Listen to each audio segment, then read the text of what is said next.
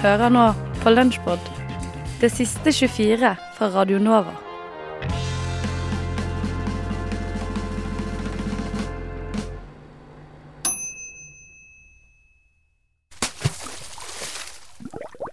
Nyhetsfredag. Går i dybden. Tirsdag denne uka ble resultatene fra årets student- studentparlamentsvalg offentliggjort. Med nesten 1000 stemmer mer enn i fjor ble oppslutningen ved årets valg det høyeste på tre år, med 17,2% Det har vært valgdebatter, valgboder og flyers i forsøk på å inspirere blinde studenter til å stemme, og ikke minst overbevise dem om hvem de burde stemme på.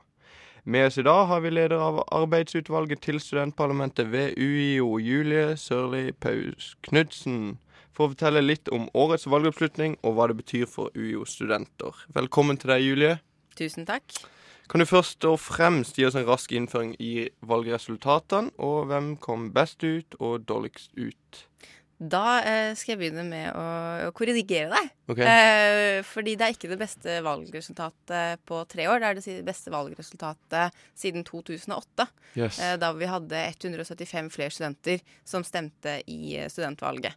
Og det er det nest beste resultatet siden vi begynte med digitalt valg. Så det er det best, nest beste resultatet vi har målinger på eh, i historien. Så, så bedre enn det tredje beste, eller de siste tre årene. Det må, det må frem. Mm. Så, ja. Eh, kan du gi oss en rask innføring, da? Eh, hvem som gjorde det bra, hvem gjorde det dårlig, og hvordan ble mandatene fordelt? Ja. Eh, vi kan jo begynne eh, med, med starten, holdt jeg på å si, med største, den største lista, Mm. som er realistlista. Femte valgseier for eh, realistlista. De har gått ned eh, ett mandat siden i fjor, så nå har de seks av 26 plasser i parlamentet. Mm. På andreplass så, så har du da VEA, eh, Venstrealliansen. som fikk fire mandater. Og etter de så har du Grønn liste, som nå har rykket opp til å bli det tredje største, den tredje største lista i studentparlamentet. Kveld. Etter det eh, kommer da Sosialdemokratene, gått ned eh, ett mandat fra fire og har nå tre. Eh, deretter har du også Liberal liste, som gjorde en knallbra valgkamp og er av mange kåret til eh, årets eh, vinner. De fikk ett eh, mandat ekstra og har nå tre mandater. Det er altså tilsvarende Venstre da, i, Mm. i eh, vanlig eh, politikk, om du vil si det på den måten. Så har du eh, Håper jeg ikke glemmer noe nå, altså. Nei, det ville vært dumt. Eh, hvor mange er jeg på nå? Så har du blå liste med to mandater der òg. Og internasjonalista med ett mandat. De mistet ett. Så det er eh, både glede og sorg eh, i eh, årets valg. Men du vil da si at den liberale lista da var, fremstår som selve det overraskelsesmomentet ved årets valg? Jeg vil jo på en måte si at hvis du klarer å å få et mandat til, så har du gjort mye. Men det er jo klart at grønn liste, som har rykket opp fra å være det tredje største lista til den fjerde største lista Nei, unnskyld, andre største lista. Ja. Det er også eh, godt jobba, Ja. virkelig. Så all ære til de som har stått på i valgkampen eh, og gjort dette her. Ikke det. Eh, alle listene har virkelig stått på. Det har de. Eh, men nå som mandatene er fordelt, og hvor går på en måte partiene Hva er neste steg eh, nå? Eh, Ti begynner disse mandatene å virkelig å, å ta avgjørelser, da. Nå hadde vi siste møte i studentparlamentet i går. Et fire og et halvt timers eh, langt møte som endte med ganske mange kule saker. Blant annet så ønsker vi eh, et nytt kulturhus i sentrum sammen med Det Norske Studentersamfunn. Men eh, nå er det da ferdig, og neste møte det blir det som kalles eh, konstituerende møte. Du kan jo også kalle det et oppstartsmøte. Eh, da kommer alle de som har blitt valgt inn i studentparlamentet, og så bestemmer de det nye arbeidsutvalget. Så da forsvinner jeg, eh, og så velger de en ny, en ny leder og de andre fire plassene i arbeidsutvalget.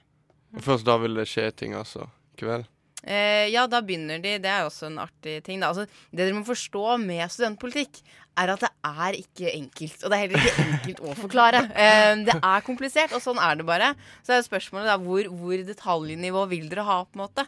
Eh, og det er jo for så vidt en ting vi har tenkt litt på i løpet av valgkampen. at det er mye av det vi kommuniserer som er ganske vanskelig å forstå. da. Eh, hvis jeg sier til dere vi ønsker å bedre læringsmiljøet på Universitetet i Oslo, er det noe som på en måte intuitivt sier noe til dere?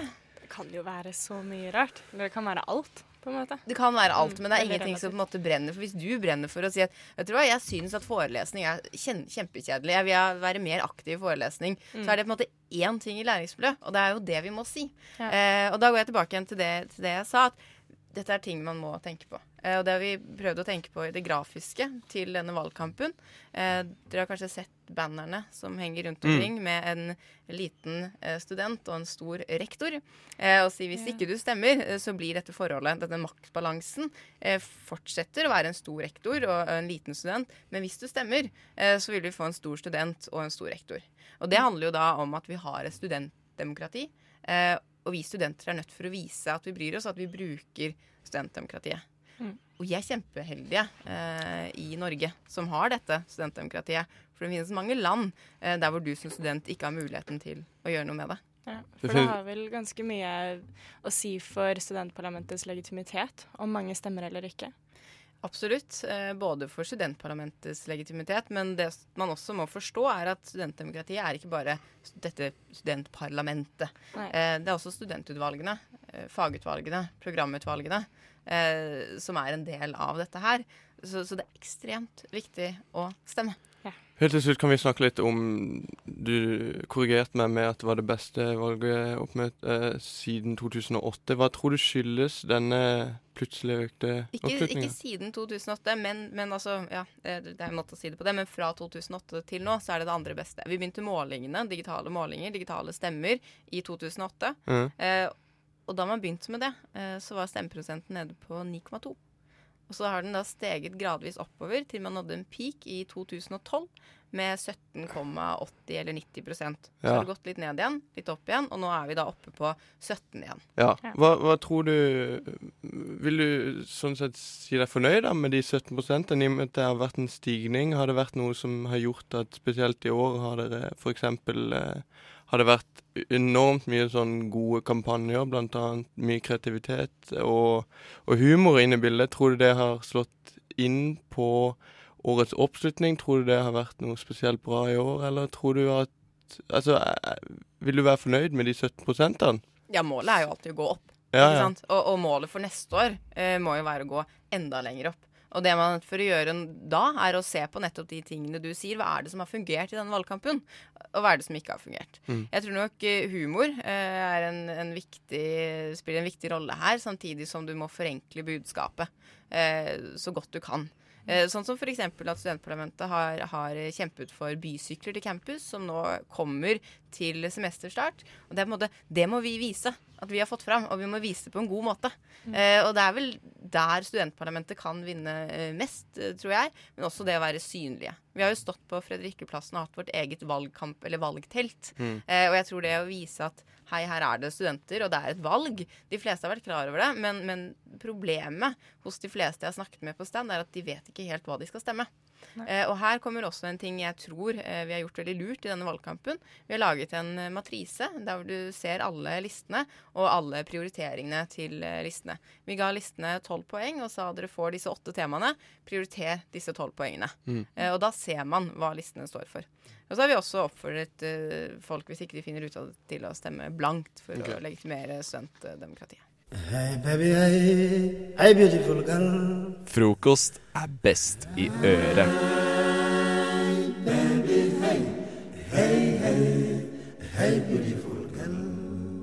Og nå gleder jeg meg som et lite barn som skal få noe som hun gleder seg til.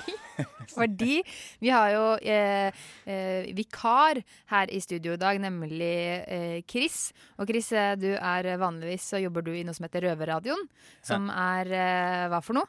Du hoster litt, ja? Jeg beklager. Ja. Eh, nei, det er eh, Vi lager radio, norsk fengselsradio, Ja. for folk på innsiden og utsiden av fengselet. Fordi du er fengselsfyr. Ja, du holdt på å si fugl, det var ikke noe ålreit. Du henta deg inn og sa fyr, jeg. Ja, jeg sitter inne. Ja, du sitter inne. Eh, men ikke akkurat nå. Nå sitter du her i studioet vårt på Majorstua. Hipp hipp hurra. Hurra, ja. Men eh, det du har eh, sagt at du skal gjøre for oss nå, er at du skal dele en liten historie, en slags liten røvertabbe, fra en gang du var på tokt. Ja, jeg var ikke på tokt, jeg hadde egentlig vært på nachspiel. Ja, ja ikke Ja, og eh, tok noen beroligende tabletter der. Og eh, det er ikke noe jeg pleier å gjøre, bruke beroligende tabletter, for det slår ofte feil ut. Hvordan da? At jeg plukker med meg ting som ikke er mine. Ja, men du blir litt kleptoman? Ja, Ah, jeg trodde du hadde tatt eh, sånn Rivotril. ja det stemmer. Ok, ja. Rivotril. Er sånn epilepsimedisin Ja. eh, som vanligvis eh, man bruker for de, de som har epilepsi. Sånn I små doser. Ja. Mm. Mens hvis man tar mye av de, så blir man veldig god på Kleptoman? Ja, altså, jeg tok to tabletter, og ja, Å, du tok bare to, ja. Ja, Ja. så Men eh, jeg visste ikke at det skulle slå ut sånn, da. Men jeg gikk i hvert fall forbi en, eh, Hvor, et, hvor, hvordan, eh, når på morgenen var det her? Hvor langt nachspiel hadde du? Jeg vet ikke om vi svarer på det. Det var i hvert fall lenge. Altså, men Det det var var, midt på dagen. Det Ja, ja, ja, det var midt på dagen. okay. Sånn, sånn. Det kan ha vært et par dager òg, for den saks skyld. Okay. Men det var drit i det. Ja. Jeg var i hvert fall på vei eh, Tenkte jeg skulle hjem. Hadde nach i tre uker. Men det er litt sånn. Det, er- det blir fort sånn, det. Så jeg tenkte jeg skulle hjem og gå gjennom sentrum og ser da at det er mye turister i byen.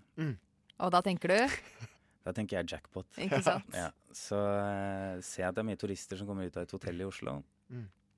tenker jeg må inn og se der hva som foregår der inne. Ja. For at eh, de må ha mye penger og sånn, så jeg pleier ikke å gjøre sånne ting til vanlig, bare så det er sagt. Men jeg begynner å snoke rundt på hotellet, og så ser jeg at det er stuepiken og en fyr driver og vasker inn på et rom. Mm. Så jeg går inn på rommet, og så klapper jeg hendene sammen. Hei, kom dere ut, jeg skal dusje. Ja, For da lata det som det var rommet ditt. Ja, det var mitt rom, da. Det var, det, Ja, det de var lata, det var mitt rom, Ja. da. Ja. Det Så de ser på hverandre så sier jeg tror dere tuller. Kom dere ut. Så de pakker jo pent sammen og Mm. går ut. Da, og jeg lukker døra og begynner å gå inn på badet. Og jeg prøver noen fuktighetskremer og begynner å pakke ting fra rommet ned på senga. Hvorfor, hvorfor skal du inn på badet og prøve fuktighetskrem, Chris? Nei, det veit jeg ikke. Jeg fant en krem der som jeg Det er en venninne av meg som alltid har så dyre kremer. Så så jeg at det var en sånn dyr krem der, så jeg ville bare prøve den. Mm. Så det var, det var Var den, var den digg? Det husker jeg ikke, men det var helt sikkert det. Altså, Men hvor mye smurte du? Smurte bare ansiktet, eller? Nei, jeg begynte ikke å kle av meg og smøre hele kroppen. og sånn. Men eh, jeg smurte bare ansiktet. Ja. Og eh, begynner å samle sammen ting i hotellrommet på senga. Tyvegodset? Godset, ja. Gods, å ja, det heter godset, ja. Nei, det jeg vet ikke. Varene? Nei. Varene, nei. nei, det er ikke varene. Nei, det er ikke varene. Men, For det er eh, noe annet. Det er noe annet, ja. ja. Det er narkotika.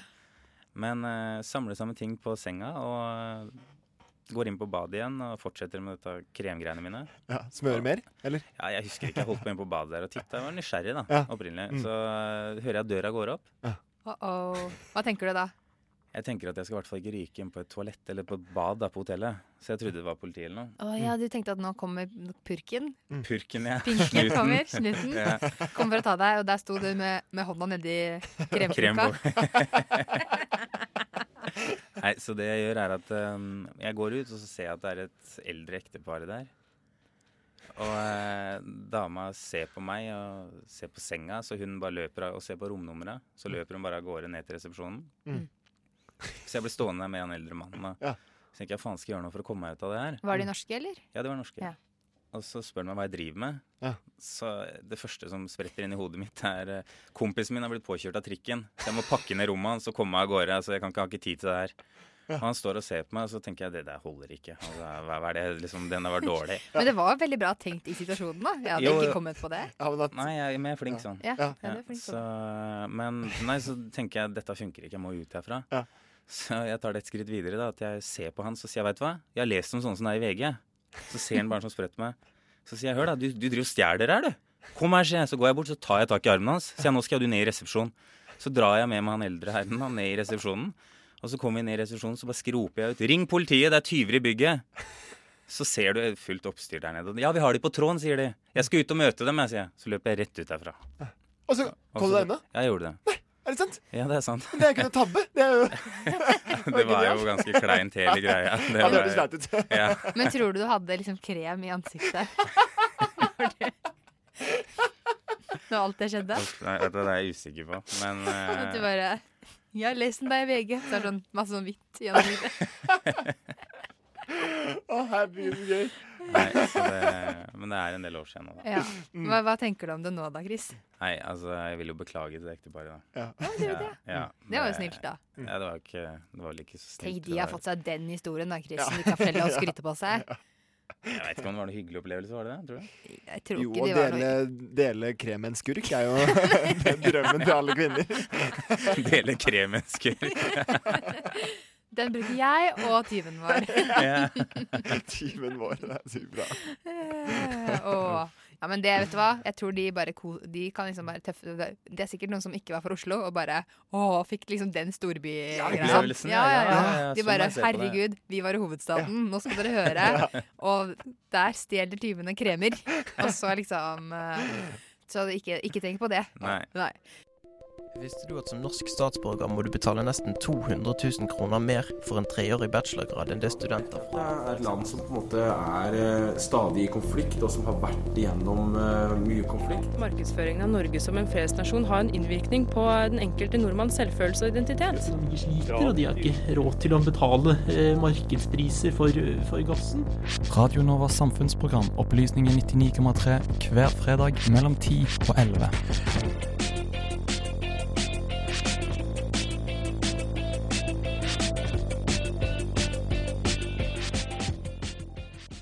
Trodde du strikkepinneaborter tilhørte 1800-tallet? Da tok du skrekkelig feil.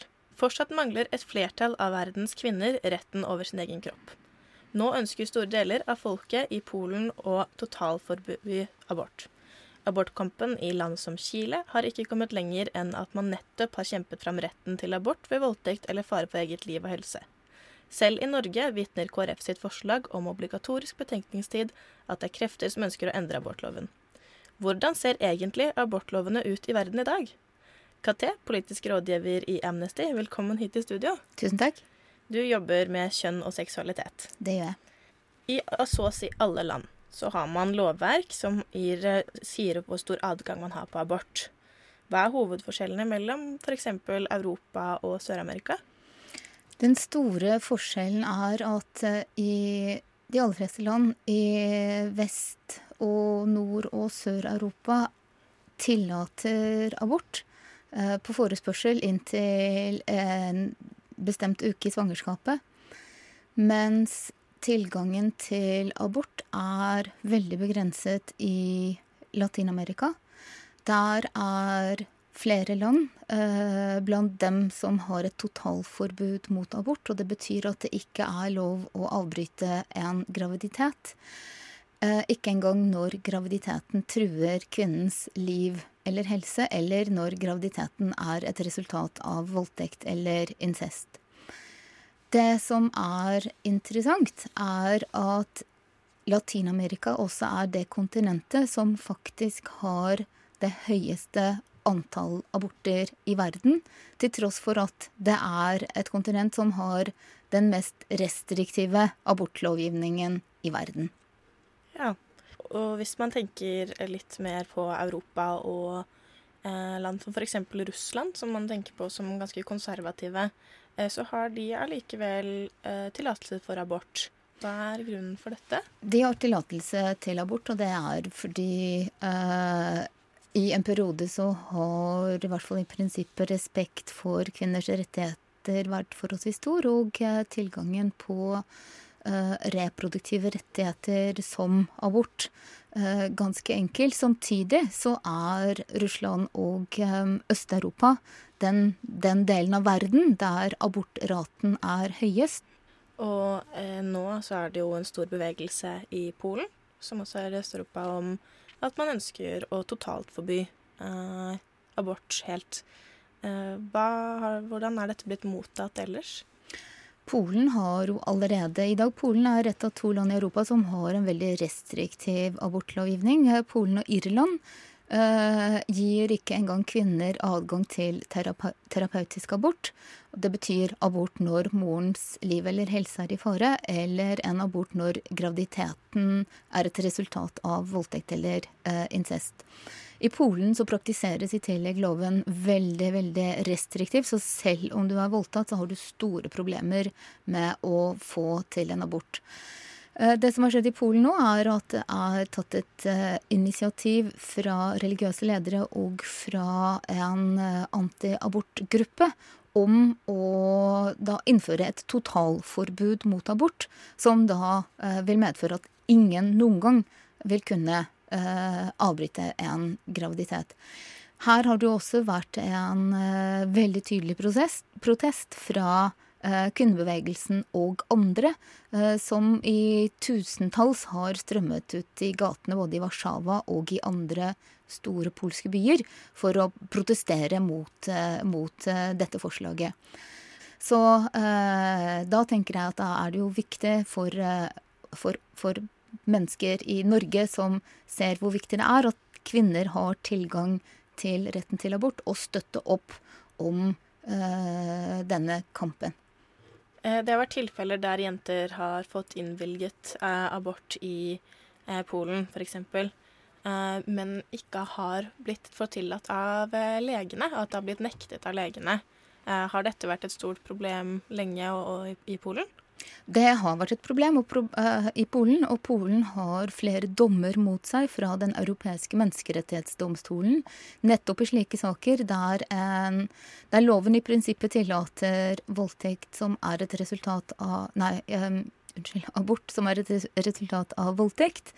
Uh, der uh, jenta har fått innvilget uh, en abort, men der legen nekter å utføre den.